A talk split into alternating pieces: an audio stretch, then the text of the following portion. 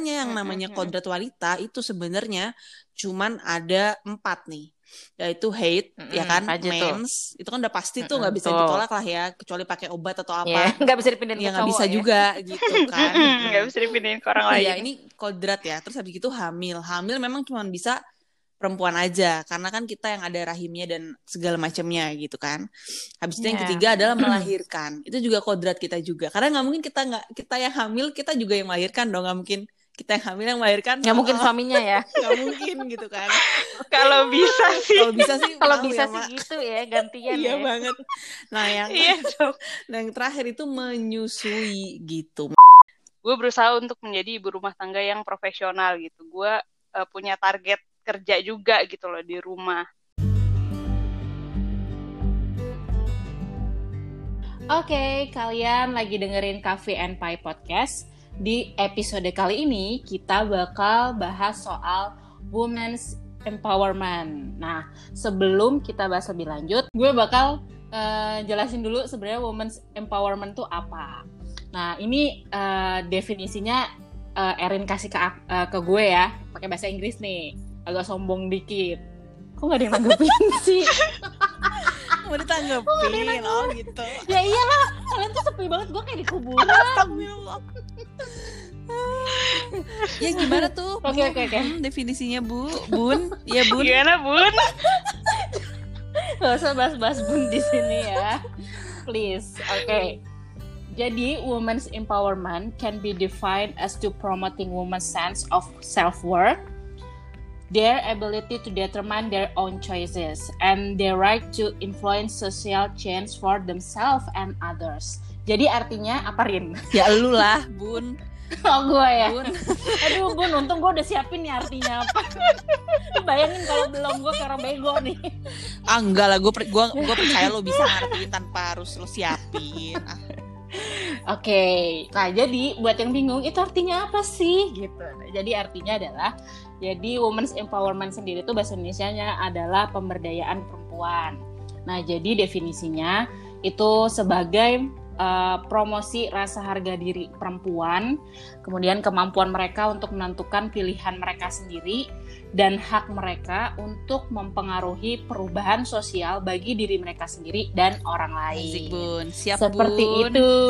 Terima luar kasih, biasa Bun, sekali informasinya. penjelasannya bun sialan kalian semua. Oke, jadi eh, nanti sesuai eh, kita kan bertiga, jadi to- eh, bawa topik masing-masing. Ima eh, bakal jelasin, bakal diskusi bareng sama kita tentang post power syndrome dan ayah bukan support system. Itu maksudnya bagaimana ya, Mai? langsung nih mulai nih Iya dong. Ya langsung lah, masih Mas. besok. Langsung jos. pertama Kayak serial Amerika. Nggak usah dibahas di sini, Bun. Bun itu di balik layar. ampun deh Iya gimana, Bun? Nanti orang-orang bertanya-tanya tuh apa tuh serial Amerika. oke bun langsung aja kita mulai ya yang pembahasan Jadinya pertama nih ya. padahal pendengar kita tuh nggak cuma bun-bun doang loh Iya. Ini berhubung loh. ini tuh lagi eh, apa namanya women's empowerment ya Mm-mm. pas nih bun nih bun ya bun dengarkan baik-baik Serah gue mah. Lanjut sis.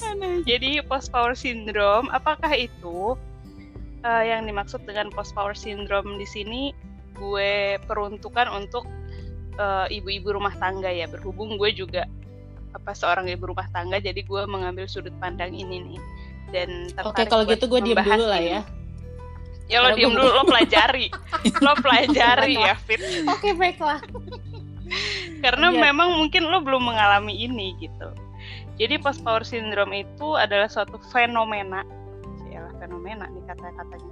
Fenomena ketika seorang wanita karir dia itu punya apa namanya punya penghasilan sendiri, udah punya jabatan, punya teman banyak, terus punya channel di mana-mana, punya cita-cita yang mungkin bisa dengan bukan dengan mudah juga ya, maksudnya eh, ya bisa dia raih gitulah karena posisi dia saat itu masih single gitu kan. Dan harus berubah total ketika dia memutuskan untuk berhenti kerja demi keluarganya gitu. Bisa jadi misalnya dia setelah menikah dia ikut suami gitu kan keluar kota jauh dari keluarga terus memutuskan untuk jadi ibu rumah tangga. Atau setelah uh, punya anak tadinya pas masih nikah nih dia masih kerja tapi setelah punya anak dia memutuskan untuk resign. Nah itu biasanya perempuan-perempuan ini mengalami yang namanya post power syndrome. Jadi uh, ketika semuanya itu tidak lagi dia miliki gitu ya kayak penghasilan sendiri terus jadi bergantung sama penghasilan suami abis itu otomatis teman-temannya berkurang kan. Uh, lingkup pertemanannya itu berkurang. Jadi um, dia tuh merasa kayak kok gue tuh hidupnya di sini-sini aja gitu.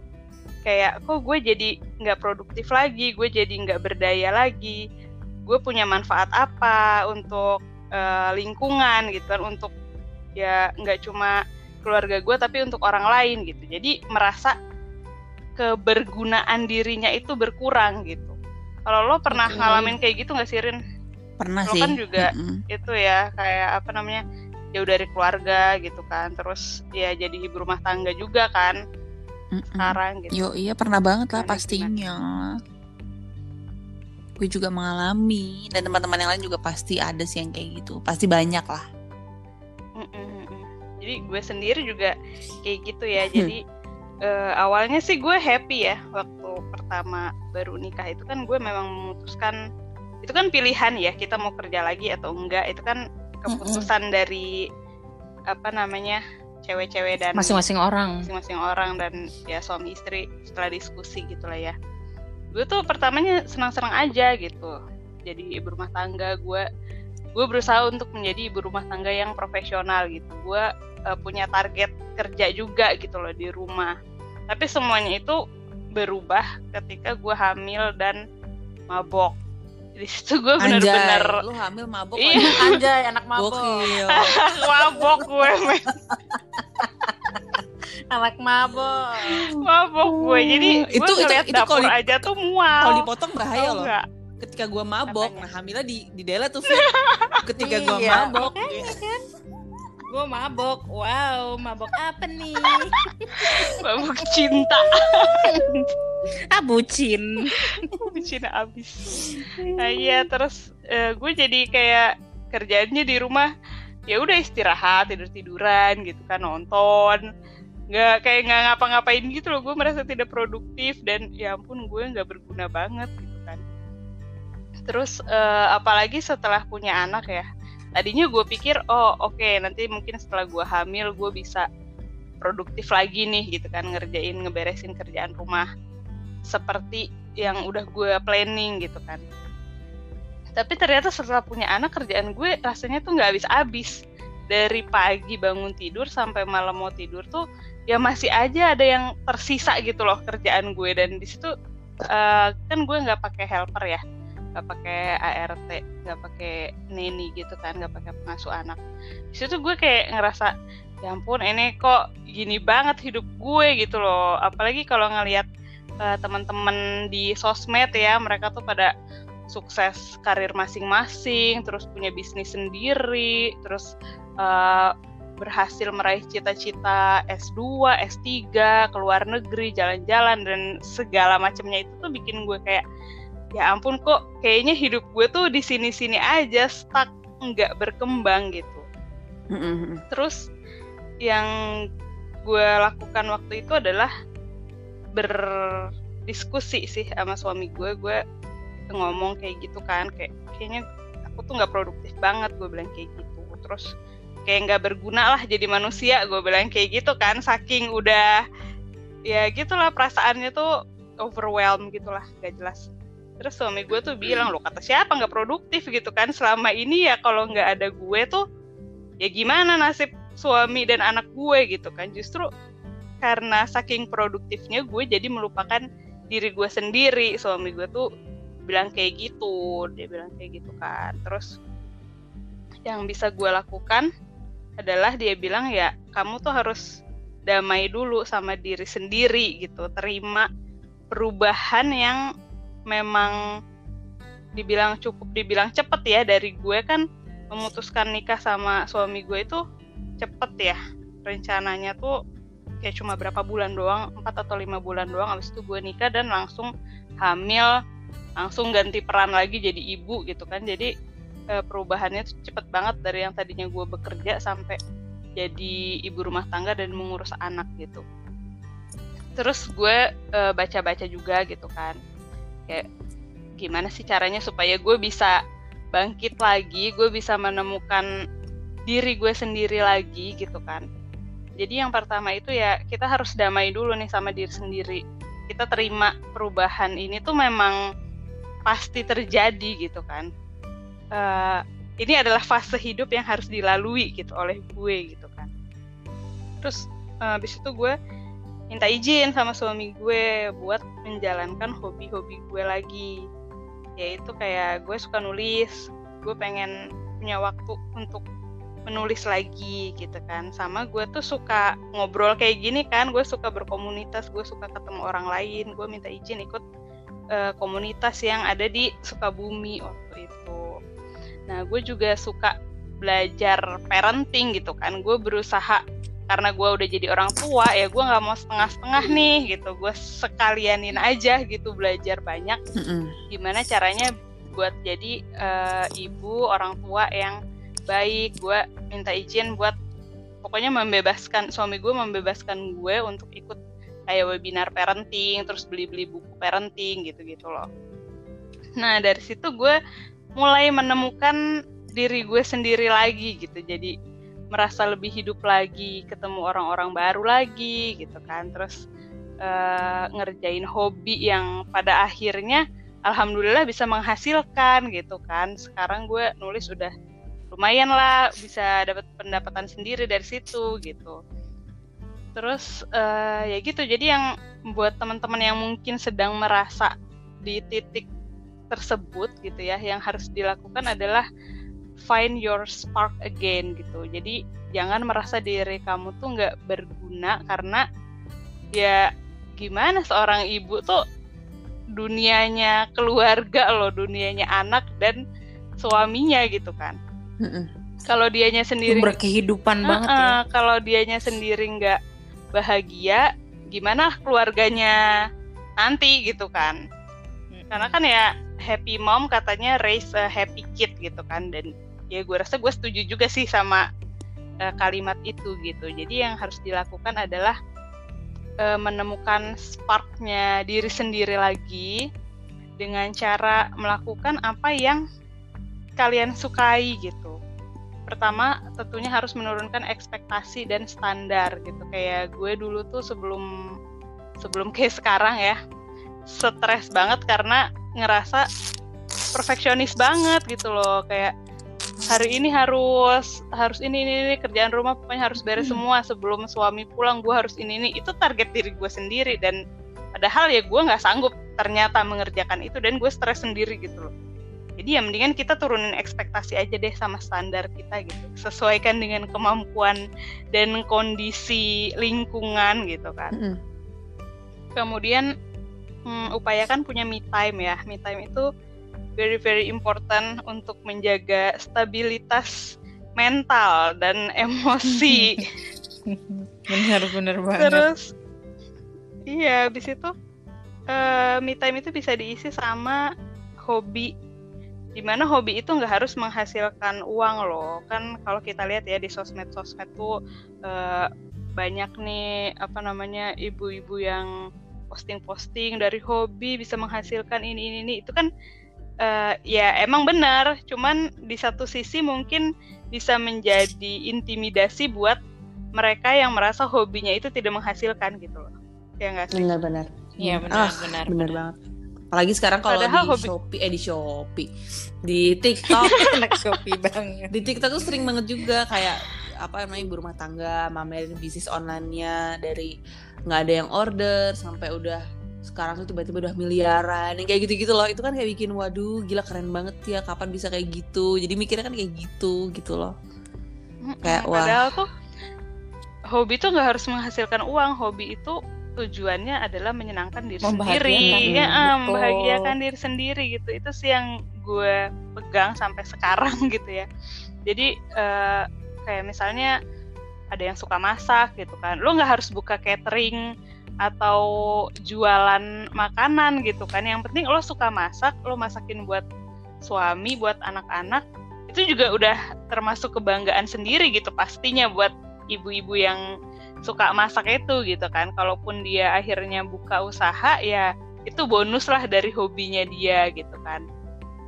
Terus misalnya kita suka nonton atau suka bersih-bersih rumah apalah sesuatu yang membuat kita tuh happy dan menjadi diri sendiri gitu di luar dari sebagai istrinya bapak A, ibunya si A gitu kan. Yang penting kita bisa jadi diri sendiri gitu kayak gue gitu kan mungkin emang gue senangnya di nulis dan gue bisa menemukan diri gue sendiri sebagai ima itu tuh pada saat gue menulis dan berkomunitas gue di mana gue ikut uh, beberapa komunitas dan kayak sekarang aja podcastan gini ngobrol-ngobrol kayak gini gue merasa terlepas dari uh, peran gue sebagai ibu dan istri gitu loh. Oke.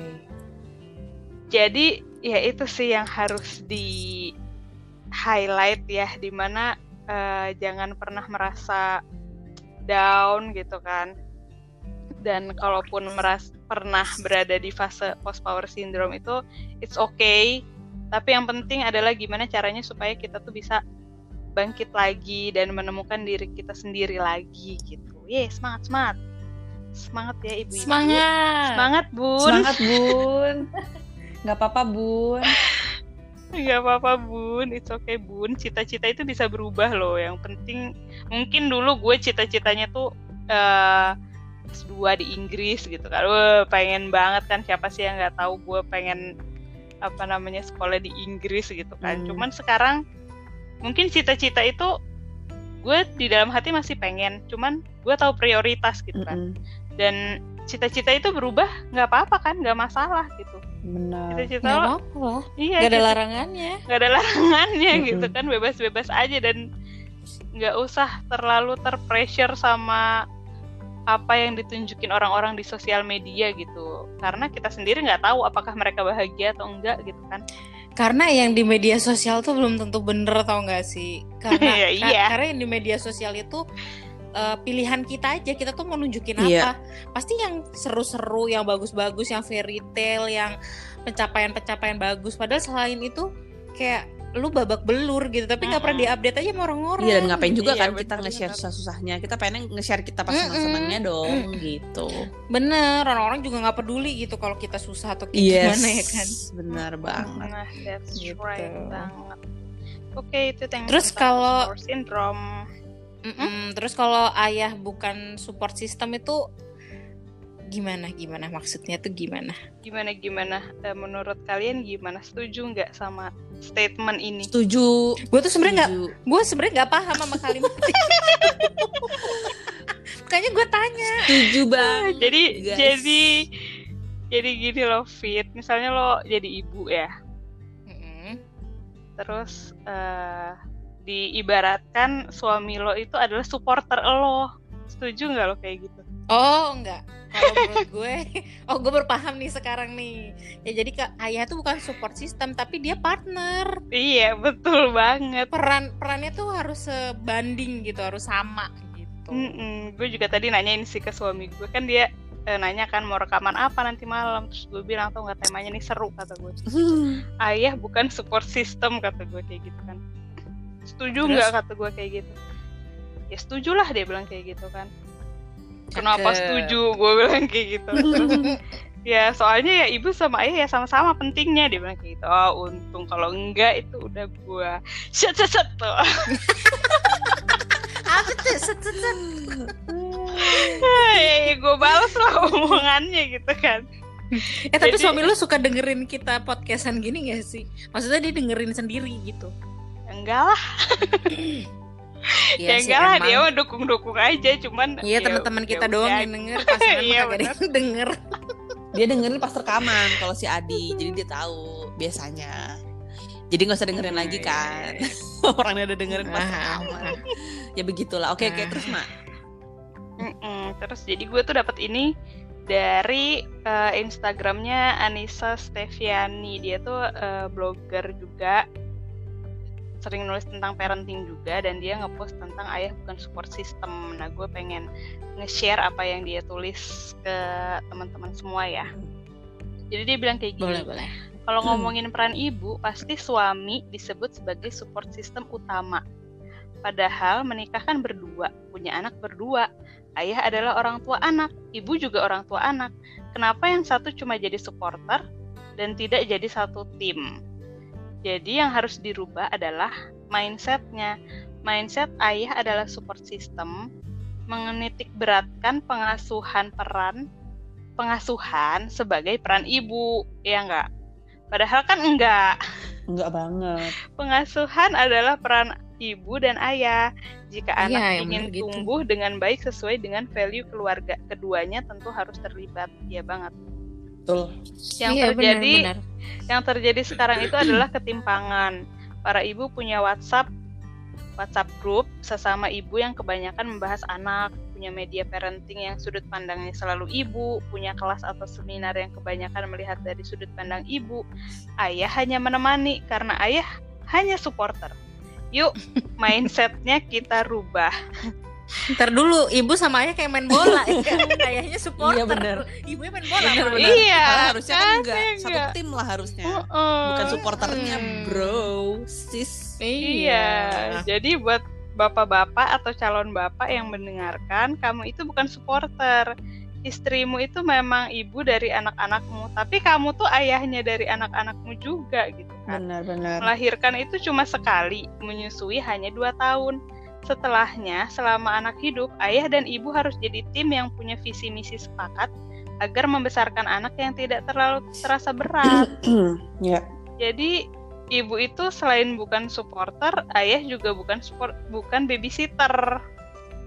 Iya banget. Jadi harus dihilangkan yang namanya istilah dititip ke ayahnya.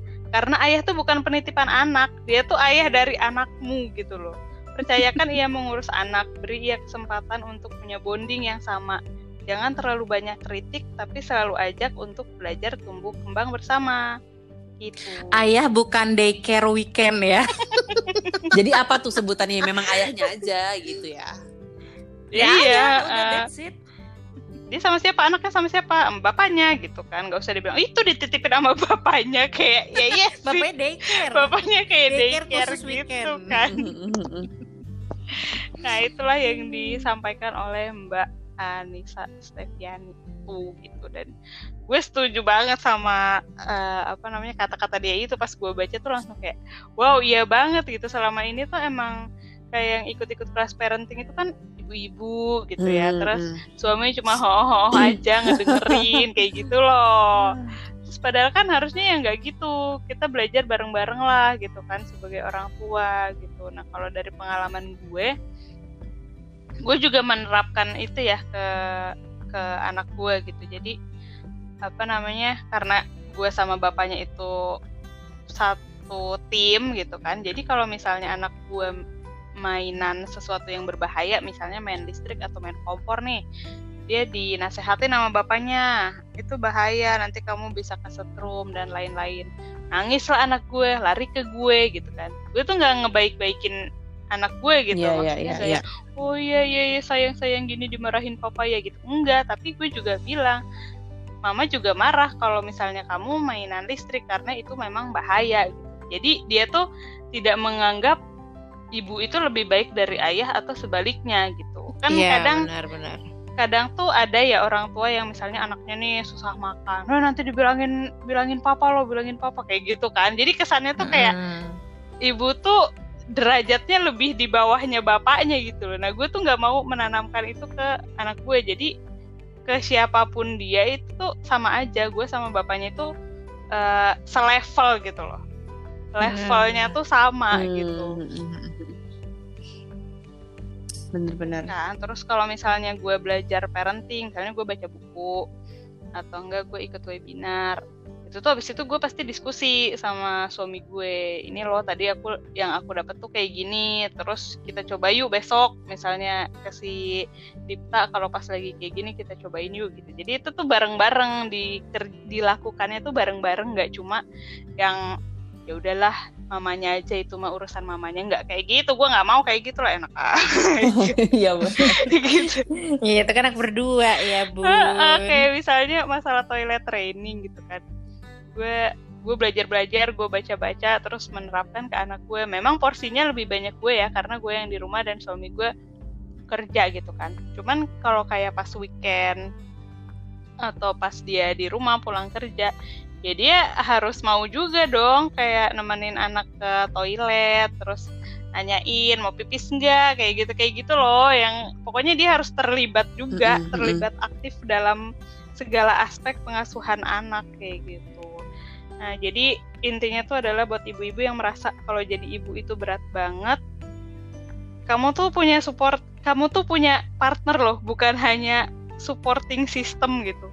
Jadi ya bersama-samalah kita juga apa namanya menjadi partner untuk eh, anak-anak kita gitu. Supaya yang namanya parenting journey itu memang sangat melelahkan dan ya dengan adanya partner bukan cuma supporter kita bakalan merasa itu lebih ringan aja lah langkahnya gitu guys. Benar daripada sendiri lebih ringan ditanggung berdua. Ya jadi harap ya, karena berbuatnya juga nya berdua iya. men. Iya bener juga sih. Nggak bisa kalau iya bener bener, ya. sendirian dikira amuba kali. Balik lagi amuba. Oh, amuba lagi, lagi diri. dari, dari episode kemarin sampai sekarang. Oh iya, iya. gitu sih. oke. Jadi uh, itu untuk post syndrome dan ayah bukan support system. Kalau selanjutnya nih topik kita adalah kodrat wanita. Nah, kodrat wanita tuh apa sih, Ri? Ya jadi ini sebenarnya masih nyambung banget. Emang ada ya kodrat spesifik banget buat Ada cewek, ada. Jadi gitu? sebenarnya ini uh, apa namanya nyambung banget sama topiknya si Ima tadi ya, gila. Keren banget gak sih? Jadi gue bisa sambung-sambungin gitu kan ceritanya. Oke. Okay. Sehati main kita. Uh, jadi gini. Cuma gue doang yang beda. Makasih loh. Enggak jadi apa tuh namanya? Uh, kalau yang tadi Ima bilang kan dia kan ngebahas tentang parenting, ngebahas tentang apa ayah bukan support system karena memang uh, kalau nyambung dari Ima bahwa ngurus anak itu bukan kodratnya wanita gitu loh. Iya kan? Itu adalah bareng-bareng. Jadi nggak ada yang namanya kayak kalau ngurus anak tuh ya bagian emaknya. Nggak ada yang kayak gitu. Harusnya emak bapaknya ya sama-sama aja. Karena yang namanya kodrat jadi arti dari kodrat kata kodrat itu adalah manusia tidak mampu menentang atas dirinya sebagai makhluk hidup. Jadi sesuatu yang nggak bisa kita tentang gitu. Memang itu mau nggak mau mutlak, mutlak gitu, gitu. Ya? nah makanya yang namanya kodrat wanita itu sebenarnya cuman ada empat nih yaitu hate mm-hmm, ya kan mens itu kan udah pasti tuh nggak bisa ditolak lah ya kecuali pakai obat atau apa nggak yeah, bisa dipindahin ya nggak bisa ya. juga gitu kan nggak bisa dipindahin ke orang lain ya ini kodrat ya terus habis itu hamil hamil memang cuma bisa perempuan aja karena kan kita yang ada rahimnya dan segala macamnya gitu kan. Habis itu yeah. yang iya. ketiga adalah melahirkan. itu juga kodrat kita juga. Karena nggak mungkin kita nggak kita yang hamil kita juga yang melahirkan dong nggak mungkin kita yang hamil yang melahirkan. Nggak mungkin suaminya ya. Nggak mungkin gitu kan. Kalau bisa sih. kalau bisa sih kalau bisa ya, sih gitu ya gantian iya ya. banget. Nah yang iya.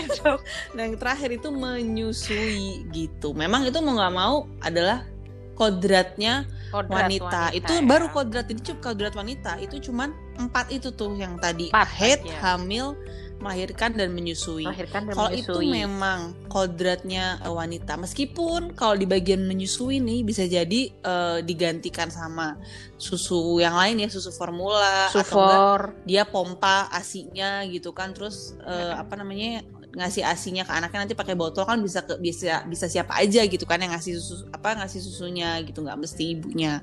Cuman tetap aja yang namanya produksi asinya itu kan tetap dari ibunya gitu kan. Nggak mungkin dari yang lain gitu. Nggak mungkin dari bapaknya gitu maksudnya.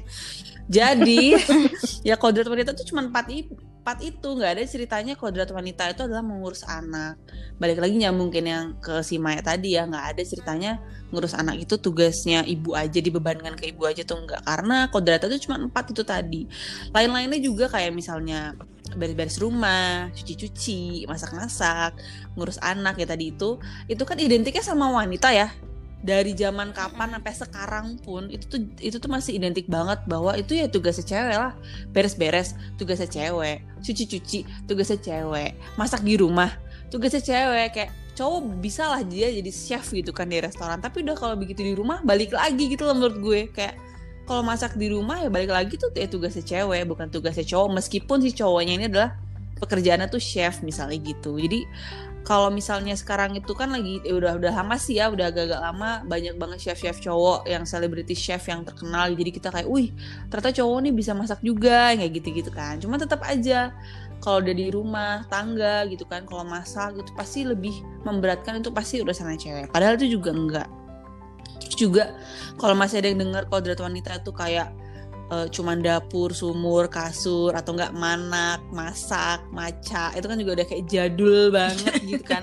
Cuman kayak masih aja ada yang berpikiran seperti itu gitu kan. Masih masih, masih banyak banget. banget kayak aduh emang kita tuh mesin ataukah kita tuh asisten rumah tangga gitu kan ya bukan gitu. Jadi memang mindsetnya yang harus dirubah. Misalnya uh, kita memang punya rumah uh, kayak kayak Ima tadi lah ya kita punya rumah sendiri nih misalnya. Dan kita uh, udah jadi ibu rumah tangga nih. Jadi kita memang harus mikirnya yang yang bisa bersih bersih kita nih. Yang di rumah kan memang kita ya kan mak? Jadi yang bisa bersih bersih kita. Misalnya suami udah kerja gitu yang bersih bersih kita apa apa tapi memang kalau suami bisa bantu ya kenapa enggak gitu. Karena itu tuh juga pekerjaan. Nah banyak yang ngira kayak misalnya juga uh, apa banyak sketsa-sketsa gitu kan. Ketika suami pulang kita tuh lagi leyeh-leyeh lagi nonton TV gitu kan. Dikiranya kita tuh nggak ngapa-ngapain. Padahal ya sebelum dia pulang kita tuh kan melakukan pekerjaan juga. Yang namanya beres-beres yang namanya masak yang namanya nyuci itu kan pekerjaan juga gitu loh. Jadi uh, apa namanya jangan sampai pekerjaan itu dianggap rendah gitu. Sama kayak kita nganggap rendah pekerjaan asisten rumah tangga gitu kan. Itu kan nggak boleh sebenarnya karena kan itu juga sulit. Pekerjaan-pekerjaan kayak gitu nggak semua orang bisa nggak semua orang mampu. Karena itu memang sulit kan pekerjaannya dan capek gitu. Dan kalau misalnya nggak ada yang bersihin rumahnya kotor mau jadi apa gitu kan jadi sakit-sakitan lah jadi apalah segala macam dilihatnya nggak enak. Terus masak kayak masak kalau gue kan paling seneng masak ya kak cuci-cuci itu kan udah ada mesin cuci lah gitu. Kalau beres-beres gue juga masih suka males lah gitu ya. Jadi nggak rutin. Mm-hmm. tapi kalau masak itu kan gue sering gitu. Nah masak itu kan juga kerja sebenarnya bukan nganggur. Mm-hmm, apalagi tuh misalnya masaknya cepet sih memang maksudnya uh, jadinya tuh cepet gampang. Tapi yang lama kan kayak preparationnya apa segala macam. Iya banget. preparationnya ribet banget. cuci piringnya. Cuci piringnya. Cuci piring. jadi before sama afternya itu yang bener-bener Aduh. Makannya sih lima menit doang hmm, ya. Ada lima menit doang masaknya duh gitu kan. Oke lah misalnya masaknya cuma lima menit gitu kan, masuk masukin plung-plung. Nah, tapi kan sebelum masuk masukinnya itu harus nyuci bahannya lah. Potong, potong. Dari semalam itu udah ngeluarin daging dari freezer ke kulkas biasa biar dia defrost. Itu kan harus mikir. Nah itu tuh kan pekerjaan. Gak semua orang memang bisa kayak gitu. Jadi maksudnya harusnya uh, hal-hal kayak gitu juga harusnya lebih diapresiasi lagi dan juga itu bukan kodratnya cewek. Kalau lagi nggak pengen masak ya tinggal beli. Ya udah tinggal ya, tinggal pesan online. Sekarang apalagi lebih gampang lagi. Dulu harus keluar gitu kan. Sekarang apalagi lagi pandemi tinggal pesan online. Atau enggak tinggal titipin ke suami dia lagi apa lagi keluar kan lagi kerja pulang sekalian beli makanan nitip itu juga bisa. Kan kayak gitu.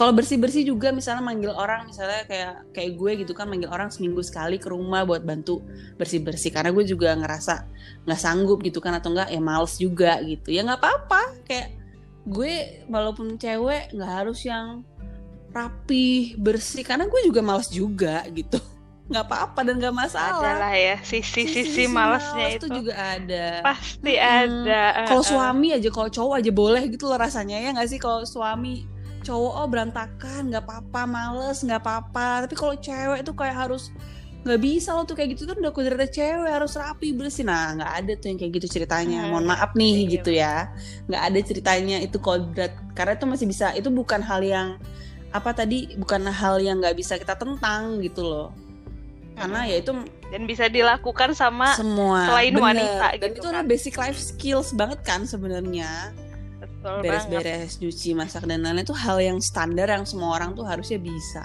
bayangin aja kalau lo nggak bisa gitu gimana coba nggak bisa masak nggak bisa apa namanya minimal kan masak-masak telur itu kan nggak mungkin ya harusnya kan bisa gitu kan. Gue juga kalau mas-mas masak kan minimal telur dadar. Masak air ya, lah ya. air juga. Bener. kalau air lo mau pakai apa? Nasi sama air. Bikin pop mie aduh ya ya juga sih bikin pop mie. Iya, bisa bisa. bisa bisa. Oke lah. Ya kayak gitu kan harus tetap tetap bisa gitu loh minimal minimal jadi itu semuanya harusnya semua orang itu tuh eh, bisa kayak gitu terus juga nah ada juga yang bilang kalau em, misalnya gini kalau misalnya cewek itu kepengen setara nih sama cowok katanya kan kenapa sih harus ada kereta khusus cewek gitu kan? Ada gerbang khusus cewek kursi khusus ibu hamil dan lain-lain harusnya nggak ada dong kalau kepengen setara gitu kan? Tapi ya hal-hal tersebut itu ada karena pada kenyataannya wanita itu lebih rawan terhadap pelecehan seksual ya kan? Benar. dan mereka tuh memang kayak hamil tuh kan udah balik lagi kayak tadi kan kodrat. Jadi mau nggak mau harus memang namanya ibu hamil tuh lebih gampang capek. Walaupun gue belum pernah ya tapi tahu lah ya gampang capek. Hmm. ya kan kalau sekarang apalagi lagi pandemi ini juga harus lebih hati-hati karena imunnya lebih rendah dan segala macam. Jadi memang itu adalah kodrat-kodrat yang nggak bisa ya diganggu gugat gitu. Dan juga karena sejarahnya nih cewek ini lebih rawan pelecehan seksual makanya ada hal-hal kayak gitu. Jadi memang ya karena cewek ini masih nggak aman gitu loh istilahnya. Kalau cowok mah bebas aja walaupun tetap ada ya cowok yang kena pelecehan seksual juga ada di kereta di atau nggak di mana gitu. Cuman yang lebih rawan tuh cewek dan yang lebih banyak itu cewek. Makanya ada apa namanya kereta khusus lah yang kayak gitu-gitu. Jadi yang kayak gitu-gitu tetap tetap perlu eh, ada. Karena memang nyatanya ya, ya tetap cewek itu tetap lebih rentan gitu sama banyak hal. Terus juga yang mau gue bahas juga itu adalah tentang eh, birth control. Nah kadang-kadang kan kalau misalnya pasangan suami istri gitu kan dia pengen udah selesai nih punya anaknya gitu selalu yang dibebankan untuk pakai KB itu adalah ceweknya. Lagi-lagi ceweknya Hmm. bayangin ya kita udah head udah hamil udah melahirkan udah menyusui masih harus ngontrol eh, apa namanya hamil enggaknya kita gitu loh harusnya itu Hmm. sebenarnya lebih lebih apa ya harusnya kita tuh bisa bikin itu tuh cowoknya aja gitu yang melakukan birth control itu tadi karena gue sempet lihat juga ada eh, satu pria gitu kan dia tuh punya 27 istri gila kan banyak banget tuh heeh. gokil akhirnya dia punya ratusan anak gitu akhirnya dia punya 150 anak gitu deh coba kalau Hmm. misalnya dibalik ya misalnya satu cewek punya 27 eh, suami gitu kan bisa bakal jadi punya banyak anak juga tapi kasar-kasarnya nggak bakal sampai ratusan karena cewek itu cuma satu kan dan hanya bisa hamil tiap 9 bulan kasarannya nih ya gitu kan. Jadi nggak bakal sampai ratusan gitu. Nah kasus ini tuh jadi kayak makin jelas banget bahwa harusnya tentang masalah birth control ini ya harusnya di laki-laki gitu loh bukan di perempuan lagi gitu loh cewek. Iya yang kata tadi gue bilang udah hamil udah melahirkan udah sakit apa segala macam. Eh masih aja taking birth control tuh masih lagi perempuan lagi. Jadi kayak orang-orang tuh bilang tuh kayak eh, cowok tuh terlalu egois gitu loh untuk melakukan itu. Dan kayak itu tuh bakal meng, apa ya bakal melukai pride-nya mereka sebagai laki gitu loh. Kalau sampai harus eh, take birth control itu tadi. Jadi kayak wah nyebelin sih gitu loh kayak semua itu balik lagi dibebankan karena tuh selalu aja ke wanita perempuan Padahal itu bukan kodrat kita. Balik lagi sesuai topik yang mau gue bahas tadi, itu bukan kodrat kita, men. kodratnya cuma ada empat ya bun cuma ada empat ya bun. Diingat ya bun. Jadi kalau ada yang lain dari Diingat itu ya, Bun. kalian bisa tolak bun. Itu bukan kodrat saya gitu. Mohon maaf. Iya benar benar. Iya, itu tidak benar, diciptakan oleh Tuhan, Benar. itu diciptakan manusia sisa. Iya, itu diciptakannya oh, benar banget tuh fit kata-kata lo. Setuju banget. dan kayak apa namanya persetujuan bakal punya anak lagi atau enggak itu Ya, harusnya ditanyain tuh ke ceweknya Iya, juga terutama benar. mm, harusnya menurut gue ditanyain ke benar. terutama tuh terutama tuh ke ceweknya gitu loh mau punya anak lagi atau enggak gitu kan ya suami nggak bisa seenak-enaknya aja dong main bikin-bikin aja maksa ya. membebankan membebankan semuanya nanti ke cewek gitu kan Hmm, ini mentang-mentang di rumah gitu kan, mentang ibu rumah tangga, ya udah mau aja gitu. Ah, kayak ampun. Padahal ya karena kodratnya kita tadi tadi apa tadi itu kita yang hamil, melahirkan, menyusui. Jadi memang nggak bisa ke kalau menurut gue sih kalau misalnya keputusan tentang hamil atau pengen punya anak lagi atau enggak itu memang lebih ke cewek tuh harusnya lebih berat ke cewek gitu loh dia mau apa enggaknya ya banyak Karena kan yang ngelahirin Iya, cewek. Nah itu dia yang ngerasain sakitnya tuh yang cewek. Kayak gue ngeliat interviewnya siapa ya? Interviewnya eh, Justin Bieber deh pernah ditanya sama pewawancara gitu kan. Gimana mau punya anak nggak? Terus dia tuh jawabnya bagus banget tumben gitu kan Justin Bieber. Ada sisi positif yang bisa kita ambil dari dia. Tapi memang bagus banget. Karena dia jawabnya gini, "Eh, ya terserah si Hailey gitu kan. Karena ya kan badan-badannya dia gitu. Dan dia tuh wah tumben nih keren banget jawabannya gitu kan. Gue denger tuh sambil keren banget. Dan memang harusnya tuh kayak gitu. Semua cowok di dunia ini harusnya kayak gitu. Kalau memang apa rencana pengen punya anak ya tergantung ceweknya dia mau apa enggak diomongin aja gitu kan tinggal mau berapanya gitu kan mau kapannya gitu. Dia harus didiskusikan sama uh, wanitanya. Karena memang itu kodrat kita memang yang hamil melahirkan dan segala macam seperti itu sih. Jadi kita ya mudah-mudahan di tahun 2021 ini bisa lebih mengencourage tentang hal itu gitu. Dan kita punya knowledge banyak tentang hal itu supaya lagi-lagi nggak nggak nuntut wanita macam-macam lah. Nggak bisa gak usah nuntut kita aneh-aneh deh. Bisa main tindas Iya, tindas tindas-tindas. sembarangan ya nggak sama usah cewek. nyuruh-nyuruh ini itu ini itu ini itu. Ah, kita juga pengen me time ya nggak pengen kerja mulu. Dan tolong ya yang namanya pekerja rumah itu adalah tetap pekerjaan. Begitu. Bersama. oke? Mm-mm, bersama. Ya sabar ya bun ya. Aduh ya Allah. Alhamdulillah sabar. Ya sabar. Dan kalau misalnya kita punya anak cowok pun ya please jangan jadikan dia terlalu Patri raja Jangan, gitu apa-apa mm, dilayani yes, yes, yes. Patriarki dilayani banget, gitu ya. kan. Mm-mm. itu akan menumbuhkan bibit-bibit Nah, patriarki di masa itu, depan gitu itu itu itu. kita putuskan mata ini rantainya yang harus jadi contohnya eh, eh, yang harus jadi contohnya itu ya dari orang tuanya dulu Mm-mm, gitu. benar. Jadi emang harus komunikasi intens dan menyamakan pemikiran visi dan misi sama suami ya, supaya ya itu memutus mata rantai eh, apa Patriarki. parent- patriarki dan parenting yang sebenarnya salah gitu. benar mudah-mudahan lebih melek ya catat ya ibu Evita Uh, berkat ibu-ibu sekalian saya jadi menambah ilmu. Ah, Bunda-bunda juga di luar sana, bapak-bapak yang mendengarkan juga wajib didengerin sama bapak-bapak nih yang harus dengerin. iya betul banget Tolong ya, tolong. Lebih sadar diri, lebih sadar diri gitu ya. Sabar bun. Introspeksi 2021 nih gitu. Benar-benar udah 2021 ya. Udah Mm-mm. udah deh mulai dari sekarang deh introspeksinya dan rubah-rubah deh ya. Yo, i banget. Nah, jadi tadi Erin sama Ima udah bahas soal post power syndrome, terus ayah bukan support system dan kodrat wanita. Nah, jadi kalau menurut gue nih, kenapa sih sebenarnya perlu ada pemberdayaan wanita itu karena pada dasarnya seperti yang boleh gue simpulin dari obrolan eh, Bunda Erin dan Bunda. Aduh, Bunda Erin.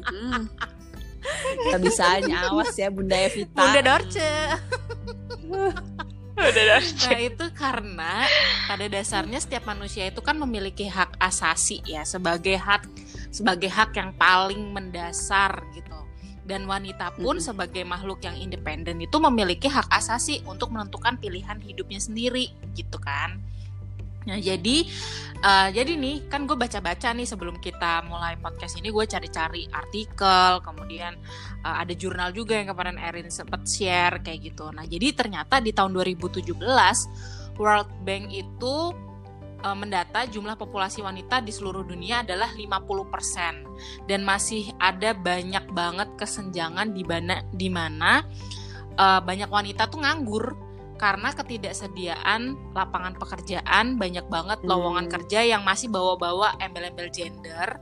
Nah, wanita itu masih sering banget dipandang menjadi makhluk yang lemah padahal wanita juga punya potensi besar ya, tapi sayangnya tuh kayak nggak dimanfaatkan gitu loh. Terus eh, gender itu harusnya udah nggak jadi lagi faktor penentu yang membatasi ruang gerak wanita gitu kan yang menjadi bagian dari dunia kerja dan lingkungan masyarakat. Ya itu banyak stereotip kalau wanita tuh lemah wanita tuh nggak eh, ruang geraknya tuh dibatasi gitu. Padahal sebenarnya ya emang sih bener tetap eh, ada batasan-batasan eh, kerjaan yang mungkin nggak bisa dilaksana di dikerjain sama wanita. Tapi sebenarnya bukan berarti nggak bisa. Mungkin karena selama ini tuh nggak pernah diberikan kesempatan seperti itu sih Nah, Mm-mm, bisa karena nggak diberikan bener banget. kesempatan jadi dipandangnya ya nggak akan pernah bisa gitu Nah, dari zaman dulu tuh kan wanita sering banget tuh dipandang kalau pendidikan yang tinggi itu cukup cowok aja lah. Nah, cewek-cewek tuh nggak usah gitu kan. Itu kan dari zaman-zaman sebelum RA Kartini berhasil mencetuskan emansipasi wanita ya. Jadi terima kasih banget buat uh, ibu kita Kartini karena berhasil membuat kita sekarang cewek-cewek itu ya udah jauh lebih berkembang lah ya gitu kan. Dan di zaman hmm. modern ini tuh penting banget sebenarnya buat nyadarin dan memahami bahwa kecerdasan wanita itu nggak bisa dipandang sebelah mata loh.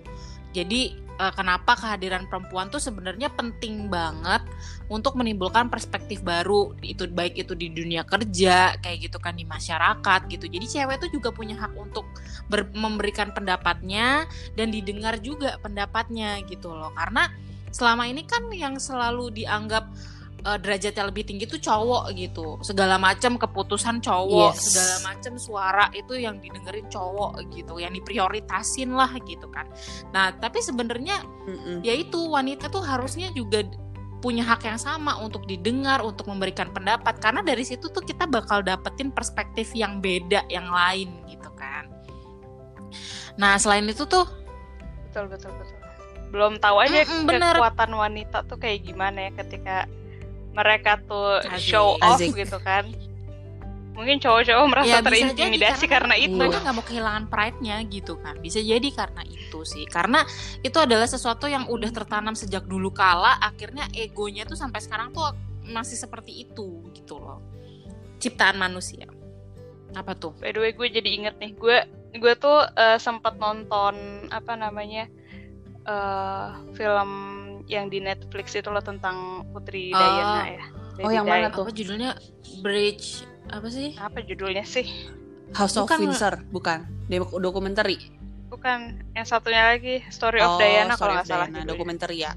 Hmm. Nah, iya dokumenter gitu. Jadi di situ tuh diceritain ketika Putri Diana sama Pangeran Charles itu barengan, yang lebih uh, menarik perhatian orang-orang itu adalah Diana. justru si Lady ah, Di-nya ya, gitu. Padahal yang prinsnya itu kan hmm. si Pangeran hmm, Charlesnya hmm. kan, tapi uh, ya gitu yang lebih punya magnet untuk Lady dunia itu si perempuannya gitu di situ dia uh, uh, jadi kayak tokoh utamanya tuh justru si Lady Di ini dan ketika Prince Charles pergi sendirian pasti yang ditanyain tuh adalah si mana? ke mana si Diana uh, uh, kayak iya, iya, gitu iya, bener, bener, banget bener banget gitu loh kayak kekuatan bener, wanita bener, tuh kita nggak pernah tahu loh segede apa gitu kan kalau mereka menunjukkan mm -mm. siapa diri mereka. Tapi sebenarnya ya kalau misalnya gitu. dibilang wanita tuh lemah, salah banget loh.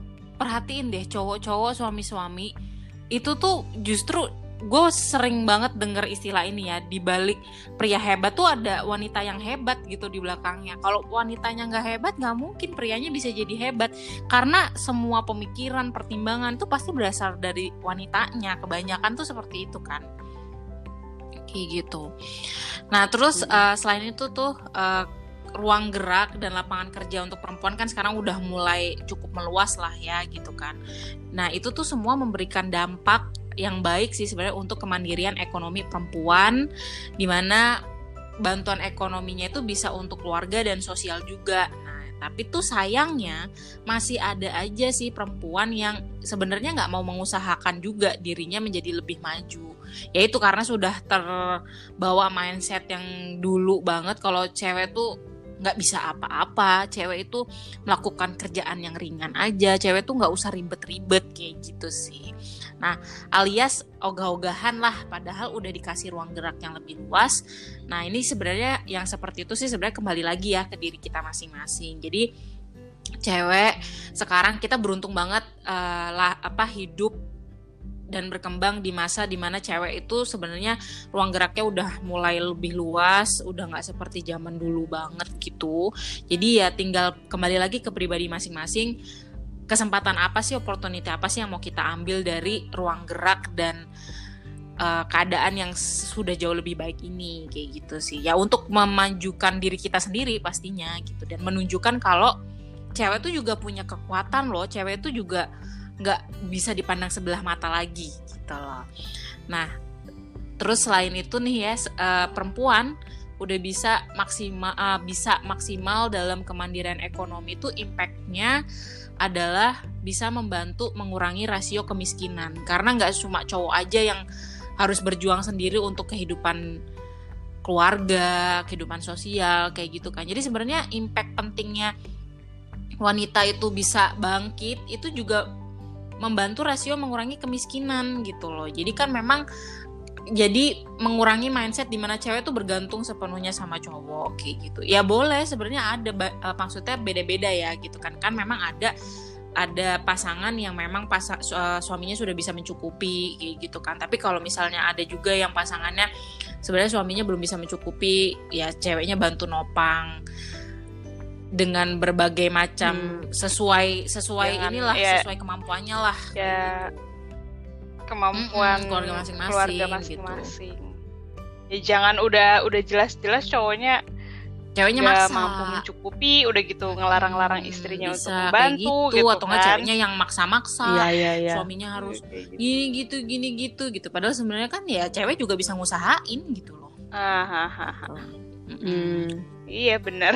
Cewek tuh punya pilihan juga buat ah gue juga pengen deh kerja juga dan apa namanya harusnya ada juga memang lapangan pekerjaannya juga jadi nggak terbatas kayak ah ya udah deh suami aja. Padahal kalau cewek mau, maksudnya kalau dia memang pengen gitu kan, hmm. dia bebas-bebas aja dia mau menentukan apa yang dia mau gitu. Dia mau nyari kerja, yang penting ada lapangan pekerjaannya, dia mau buka bisnis yang penting apa diusahain gitu kan, itu sih yang penting kan tetap harus diusahain hmm. gitu kan. Nah, selain itu pemberdayaan wanita salah satunya tujuannya nih untuk mengurangi persebaran eksploitasi seksual dan kekerasan dalam rumah tangga.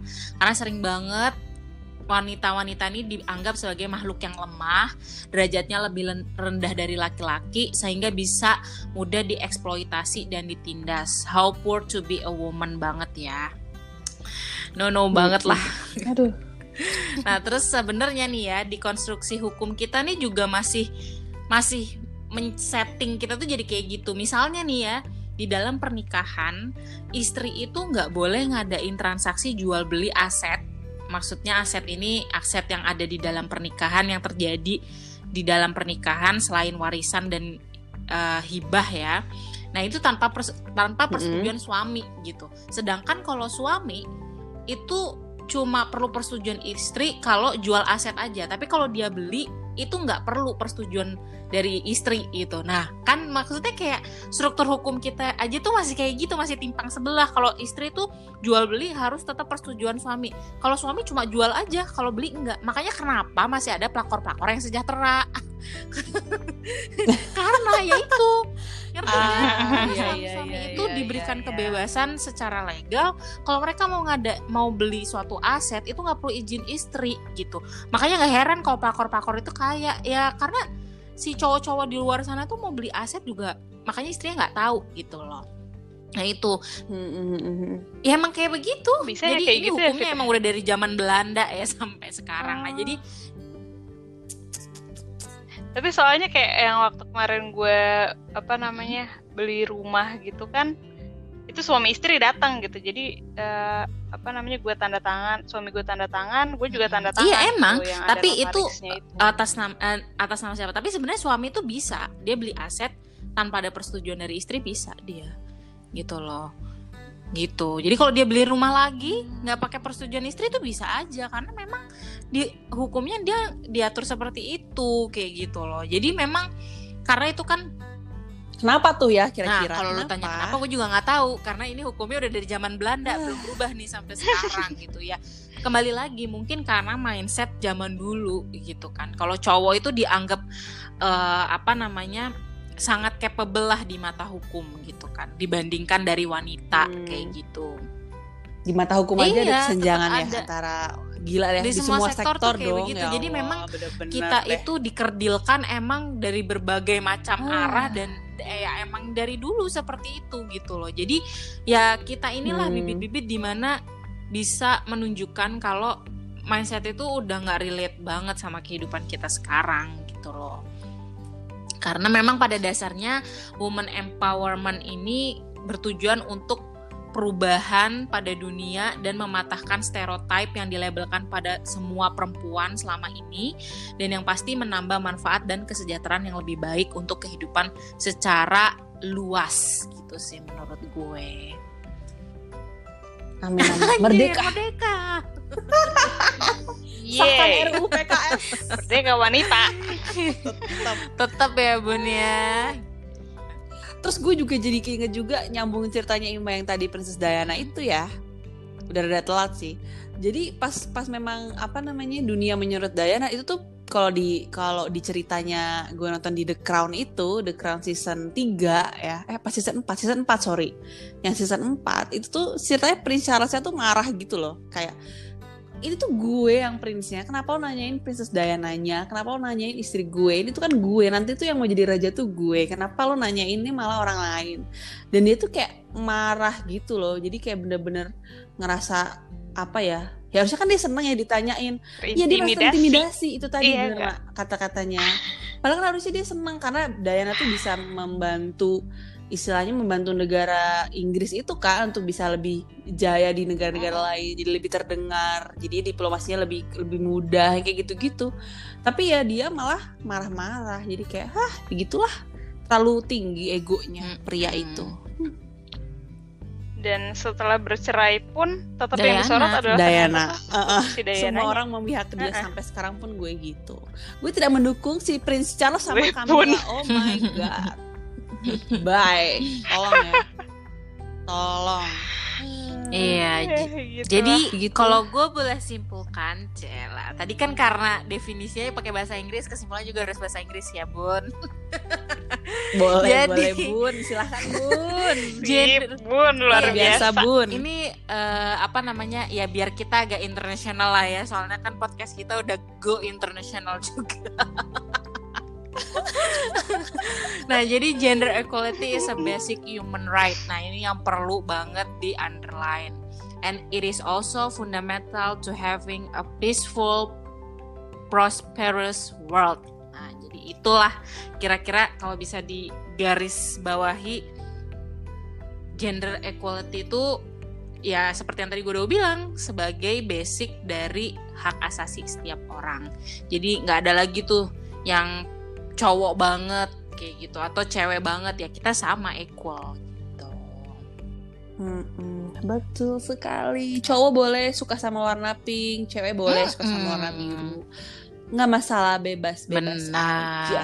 Jadi seperti itu guys. Ada lagi yang mau ditambahin? Ini kita recording banget loh. Ini udah jam berapa sih? Udah jam 12 Oke. Mm-mm, jam 12. Oke deh, terima kasih banget buat semua yang udah dengerin podcast kita. Buat cowok yang dengerin jangan merasa terintimidasi ya, karena kita nggak bermaksud untuk mengkucilkan kalian, enggak. Jadi memang ini cuma mau menunjukkan aja kalau wanita tuh juga harus dipandang dengan kedua mata, bukan sebelah mata aja. Mm-mm, Sebelah mata, gitu asik. deh.